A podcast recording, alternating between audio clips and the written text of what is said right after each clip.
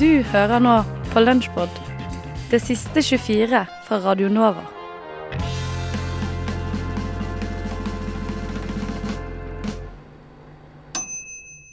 Begynner vi snart, eller? Faen, det er så jævla varmt her. Ah. Er, Er vi på er vi, nå? Er Oi, vi faen. På? faen. Bengt, vi er på. Er vi på, eller? Ja, Ja. Da begynner vi, da. Ja.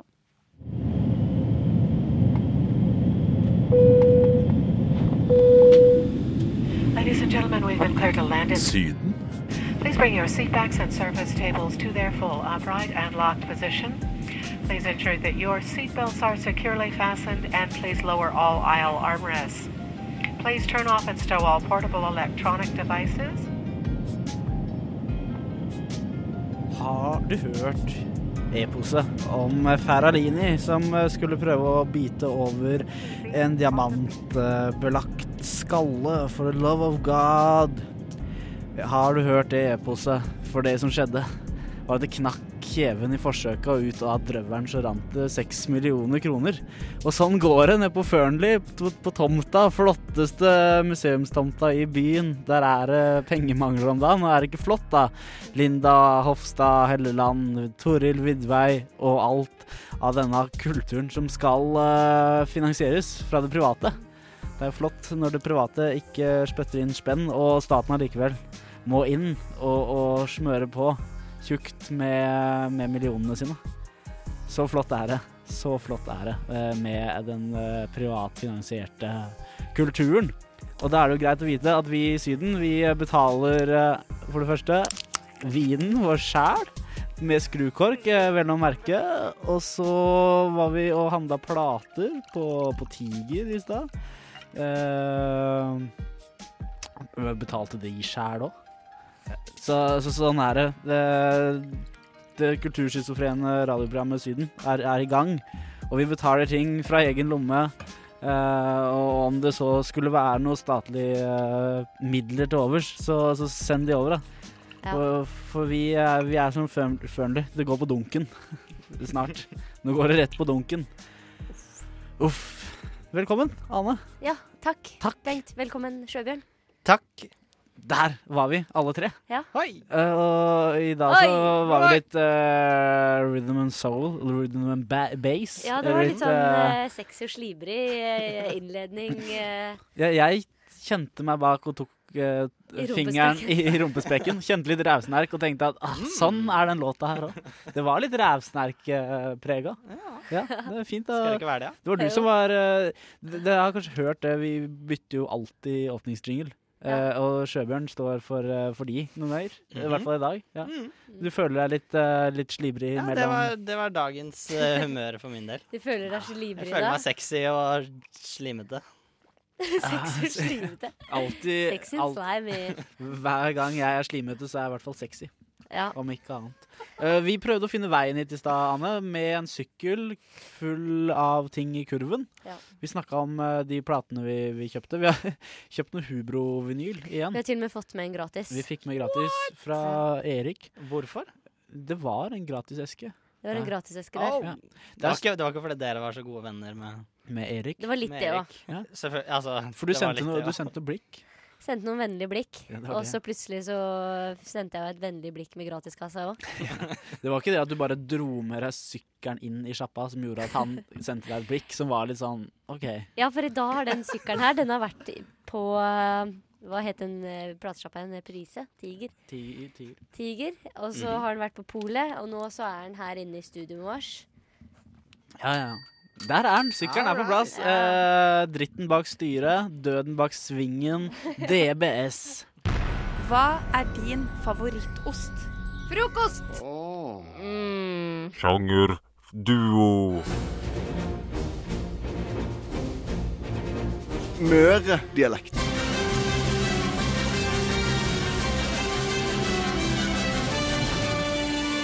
Veit ikke hvordan Det møredialekt er. Nå holder det i karakter. OK, ok, jeg kan ikke Sjangerduo i frokost. Ja da, og det er jeg som skal gi dere denne lille konkurransen, eller hva dere skal gjøre for noe, for dette er som sagt sjangerduo, og i dag har vi et nytt eh, tema, kanskje som dere ikke har gjort før. Eh, Dere skal rett og slett ha datatimer på barneskolen.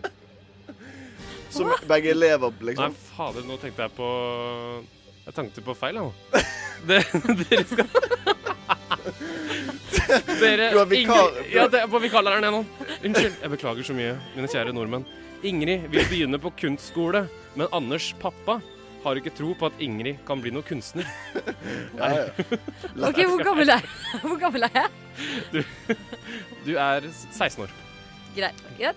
Skal vi, bare kjøre? vi sitter ikke i datarommet. Dere sitter ikke i datorommet, datarommet, eh, men da vet dere det. Ja. Bare kjør. Pappa, jeg har bestemt meg for hvor jeg skal begynne på videregående.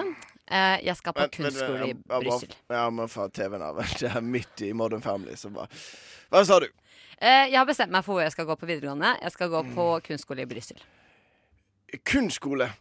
Ja. Ja, men- Jeg vil leve av eh, maleriene mine. Nei! Det går ikke. Det går ikke, nei. Dere er rett og slett privatdetektiver i Noir LA. Du vet uh, I Brussel så er det ikke ikke så trygt akkurat nå. Men kunsten kjenner ingen grenser. Og kunsten etterlater ingen spor. For Apropos apropos spor, hva er det som ligger på gulvet der? det er jeg som har malt. Det er min kunst, pappa. Ser du ikke det? Og har du malt en person på gulvet Med et omriss. Ja. med et omriss? Her er det noe muffens. Fantastisk. Nå er dere begge åtte år. Muffens, det er kjempeglad i muffens, men du kan Jeg får ikke råd til muffins hvis du skal begynne på sånn kunstskole. Jeg kan betale selv. Jeg har masse penger i banken. Jeg har spart i to år siden jeg var fem Nei, vent, vent litt. En, to. Jeg vet ikke. Hvor mye har du spart, da? Jeg har sikkert i hvert fall 100 enkroninger. Og jeg får mer av bestemor på fredag hvis jeg hjelper til å rake hagen. Det har bestemor sagt. Ja, jeg skulle hjelpe til bestemor. Jeg skal hjelpe bestemor. Jeg skal på kunstskole. Nei! Jo! Men det er ikke Slutt! Skjerpingsbarn. For nå er dere begge Batman. Ja, men jeg skal hjelpe bestemor med å rake hagen. Drit i bestemor. Brussel! Nå! I dag. På kunstnerskolen i Brussel. Vet du ikke at det er der jokeren holder til? Jeg får vinger av å gå på kunstskole, og ikke engang Supermann kan stoppe meg nå. Jeg tror det var Red Bull som ga deg vinger. Det også. Nå er dere extremely British. Well, um, Brussels, yeah. You know that they're still part of uh, the EU. Uh, They are. They certainly are. But I. I'm not going there for the tea. The tea I got at home, and the muffins, and the tea, and the muffins you love so much, I can bring you muffins from down under. Australia der, altså. Are you really sure you know where Brussels is? Because if you're going to art school, better check your get your facts straight. When you go to art school, you don't need the facts. You just need a creative brain. Fantastisk nydelig og perfekt. Jeg tror jeg går på kunstskole. Det var, det var lite protest fra far. Det var jo kjempedeilig. Ja, så jeg følte jeg var kjempeflink. Ja, jeg, jeg var sånn uh, supportive, sånn uh, Eller supportive uh, dypt inni meg, så det Support Nei. Jeg må si at vi er ganske gode på britisk, bortsett fra at det var litt australsk, da, men Jeg likte Batman, jeg. Ja, fader, det var bra, altså.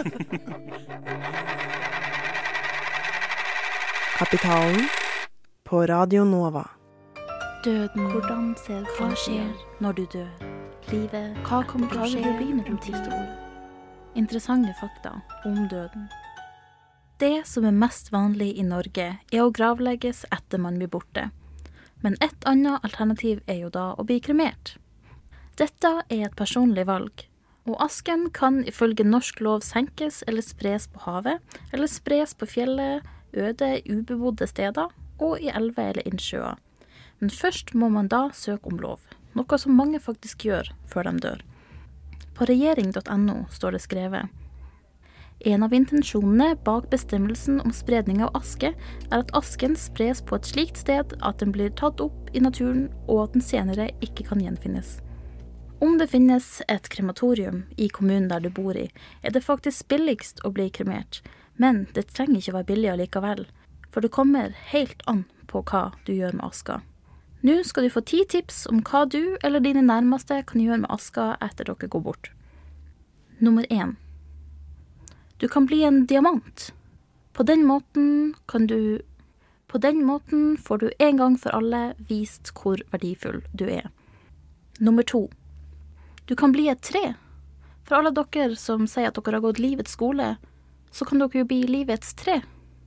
Nummer tre. Fyrverkeri. Hvis du virkelig vil gå ut med et smell, så kan du bli et fyrverkeri. Nummer fire. En ballong. Du kan bli en heliumballong, slik at alle sammen bokstavelig talt kan se når du flyr opp mot himmelen. Nummer fem. Du kan få asken din blanda i maling, slik at folk kan male et portrett av deg med deg. Inception. Nummer seks.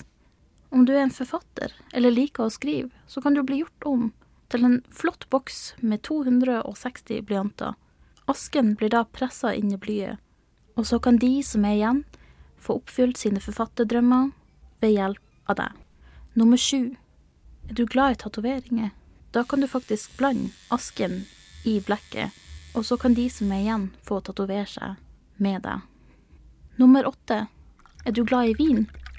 Da kan du få en du liker til å lage en vingård, og så kan han eller hun spre aska over druen, og så kan han lage vin, der det er en liten del av deg i hver flaske. Nummer ni. Du kan bli i vinylplate. Har du lyst til at en del av deg skal være med Taylor Swift for alltid, so så kan du faktisk presse asken din i ei vinylplate. Nummer ti. Er du glad i sex? Hater du utroskap? Da kan du få ei lita urne med asken din støpt inn i en vibrator, som du kan la være igjen til den elskede.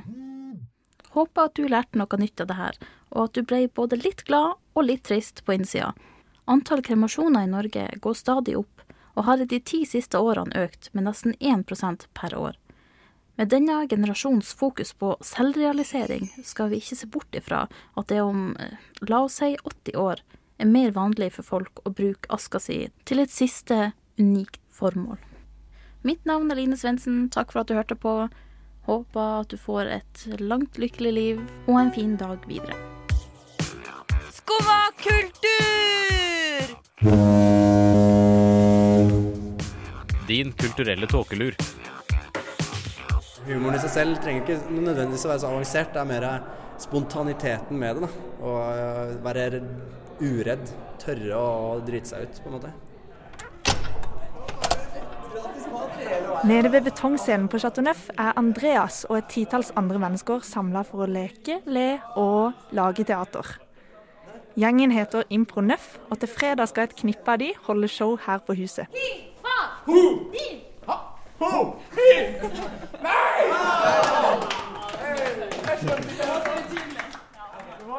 Men hva er egentlig teaterimpro, spør du? Det hele begynte med den engelske regissøren Keith Johnstone på 50-tallet. Han likte å tenke annerledes, og når han ble teaterlærer ved Royal Court Theatre, så sa han gjerne ting til elevene sine som 'ikke vær flink' og 'ikke konsentrer deg'. På denne måten kunne elevene kvitte seg med nervøsiteten og fokusere på kreativitet og spontanitet i teateret. Impro er for alle. Det er for folk som ønsker å være mer skarpe i kommentaren. Eller for folk som liker å se på eh, genuin eh, humor. Uansett om du bare skal til butikken, så må du improvisere fram livet ditt. Jeg begynner å bli jævlig lei av at du ikke kan ta den beskjeden, Martin. Det er ikke noe hjelp for mamma hvis du holder på på denne måten. Og jeg får krøllete klær. Jeg vil ikke ta på trusene til brutter'n. Men er ikke det skummelt, tenker du? Å kaste seg ut i noe man ikke aner hvordan blir, foran et publikum? Det er skummelt i begynnelsen. Det er jo akkurat som det med eh, komfortsonen er det jeg er ute etter. For man har et sett av komfortsonen. Og når man driver med impro, så er man på litt utsida der av, impro, av eh, komfortsona. Men gradvis så blir man tøffere og tøffere og får en større og større komfortsone. Og er villig til å gjøre ganske mye villere ting. Da. Men man får det samme rushet av å improvisere og være gæren.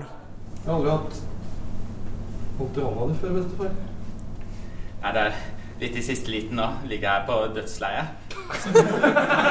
Hånden. Hæ? Jeg vil fortelle deg før du forsvinner. Ja, greit. Kom igjen. Hvor har du gravd ned skattkista di? Hvor har du gravd ned skattkista di? Jeg kommer på sjukehjemmet for å si farvel. Ja, det dør jeg. I Norge ble teaterimpro et velkjent fenomen først på 80-tallet. Og det har vokst kraftig i de senere årene med etablerte improteatre som Det Andre Teatret og mange små improgrupper.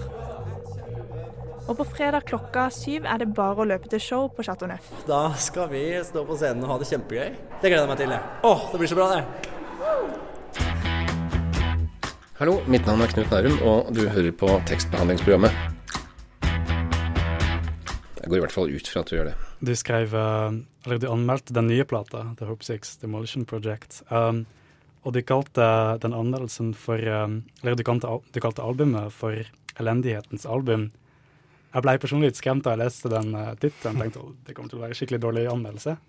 Men uh, det var jo ikke det. Nei, det var ikke en, det var ikke en slakt av, av plata. Eh, Det var definitivt ikke det. Det er en god plate. Tekst, den tittelen refererte mye mer til innholdet i, i, i tekstene på den plata, som jo er en reise rundt i tre forskjellige steder i verden. Og relativt mye elendighet som beskrives gjennom, eh, gjennom eh, låtene på plata. Så eh, ja. Det var ikke for at uh, albumet var elendig, men uh, vi må ha sånne titler som får folk til å stoppe opp vet du, i, i 2016. Og da, Mhm. Det funka. Det funka, absolutt. Uh, Tore, du er jo litt mer innen litteratur, men har du hørt albumet? Jeg har hørt på det noen ganger, ja. Jeg kjøpte det på fredag. Jeg har fått hørt litt på det i helgen, og så snurret jeg det igjen i dag. Jeg syns det er kjempebra. Det er sterkt. Eh, Det er som Robert sier, altså det er et uh, elendighetens eh, album. Um, hun eh, Hva skal jeg si Hun eh, har reist rundt og hva skal jeg si, omsatt opplevelser av krigs- og katastrofesoner da, til, til et kunstnerisk uttrykk. Uh, og, så det er jo, det er jo fattigdom og døde kropper på gammel slagmark, og det er kulehull i vegger, og det er enslige barn som tigger penger på gata. Så, og, og, hun kan ikke gjøre noe med det. Hun, hun eh, har ikke noen mulighet til å rekke ut noe, eller hva skal jeg si, gripe den hånda som eh, strekker seg ut til henne, da. Men du har eh, som sagt sikkert et eh, litt nærmere forhold til boka. Kona di var jo annet redaktør for Ja. boka. Mm. Eh, hva syns du om eh, Den åpne hånda? Jeg syns det er kjempebra. Det er, en, eh, det er et verk som eh, krever en krever oppmerksomhet og, og konsentrasjon, vil jeg si. Altså, hvis man bare prøver liksom å lese den som en vanlig vanlig ghost, uh, i, i hermetegn uh, um, poesibok, så vil man kanskje falle litt fra. Eh, fordi man må gå inn og forstå prosjektet til eh, PJ Harvey. Man må forstå litt konteksten her. da. Må, det hjelper å være litt oppdatert på situasjonen både i Afghanistan, som hun har reist til, og litt om situasjonen i Kosovo, som hun har vært i. Og gjerne også litt om det, ameri altså, det amerikanske samfunnet og, og kompleksiteten i det mellom fattige, fattige og rike og sånn. Det er, kjenner vi jo sånn rimelig greit til, da. Men det finnes der som, eh, som en ganske sånn stor eh, verdensramme, på en måte, rundt tekstene. Som de ikke prøver å liksom, ikke kommentere eller eller tolke på noen som helst vis. De er helt sånn, de er sånn rent beskrivende, eh, betraktende, da. Dette ser jeg, og dette forteller jeg deg at jeg har sett. Det, det, virker på meg som om det, den reisen og det arbeidet har gått veldig, veldig inn på PJ Harvey. At hun har hatt behov for å uttrykke det på en rå måte. Og samtidig så er det et veldig sånn kunstnerisk, eller sånt, et sånt teknisk kunstnerisk prosjekt her òg. Fordi tekstene i boken, de er eh, det er eh, gjennomarbeidet lyrikk alt sammen. Selv om de som er rå i uttrykket, så er det, det er rytme, og det er form, og det er metrikk og enderim eh, til tider. Is there hope,